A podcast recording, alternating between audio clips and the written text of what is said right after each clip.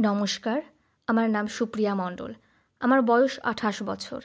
একটি কবিতা আমি আবৃত্তি করে শোনাচ্ছি।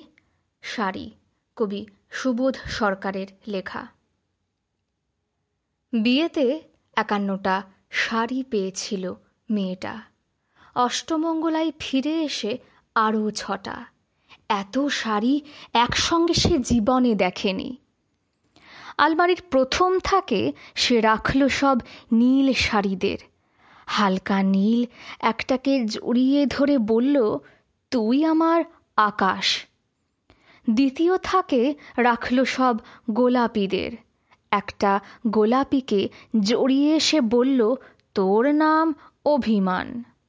তৃতীয় থাকে তিনটি ময়ূর, যেন তিন দিক থেকে ছুটে আসা সুখ।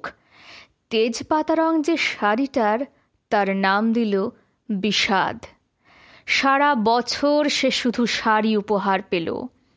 এত শাড়ি সে কি করে এক জীবনে পড়বে কিন্তু বছর যেতে না যেতে ঘটে গেল সেই ঘটনাটা। সন্ধ্যের মুখে মেয়েটি বেরিয়েছিল স্বামীর সঙ্গে চাইনিজ খেতে।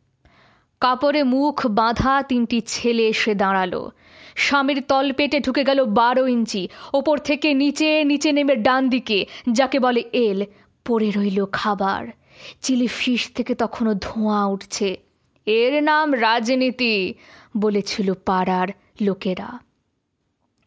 বিয়েতে একান্নটা শাড়ি পেয়েছিল মেয়েটা। অষ্টমঙ্গলায় ফিরে এসে আরও ছটা। একদিন দুপুরে শাশুড়ি ঘুমিয়ে সমস্ত শাড়ি বের করে ছতলার বারান্দা থেকে উড়িয়ে দিল নিচের পৃথিবীতে। শাশুড়ি পরিয়ে দিয়েছেন তাকে সাদা থান। উনিশ বছরের একটা মেয়ে, সে একা। কিন্তু সেই থানও এক ঝটকায় খুলে নিল তিনজন।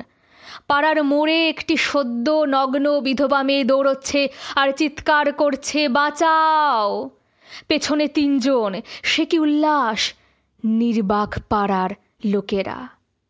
বিয়েতে একান্নটা শাড়ি পেয়েছিল মেয়েটা। নমস্কার।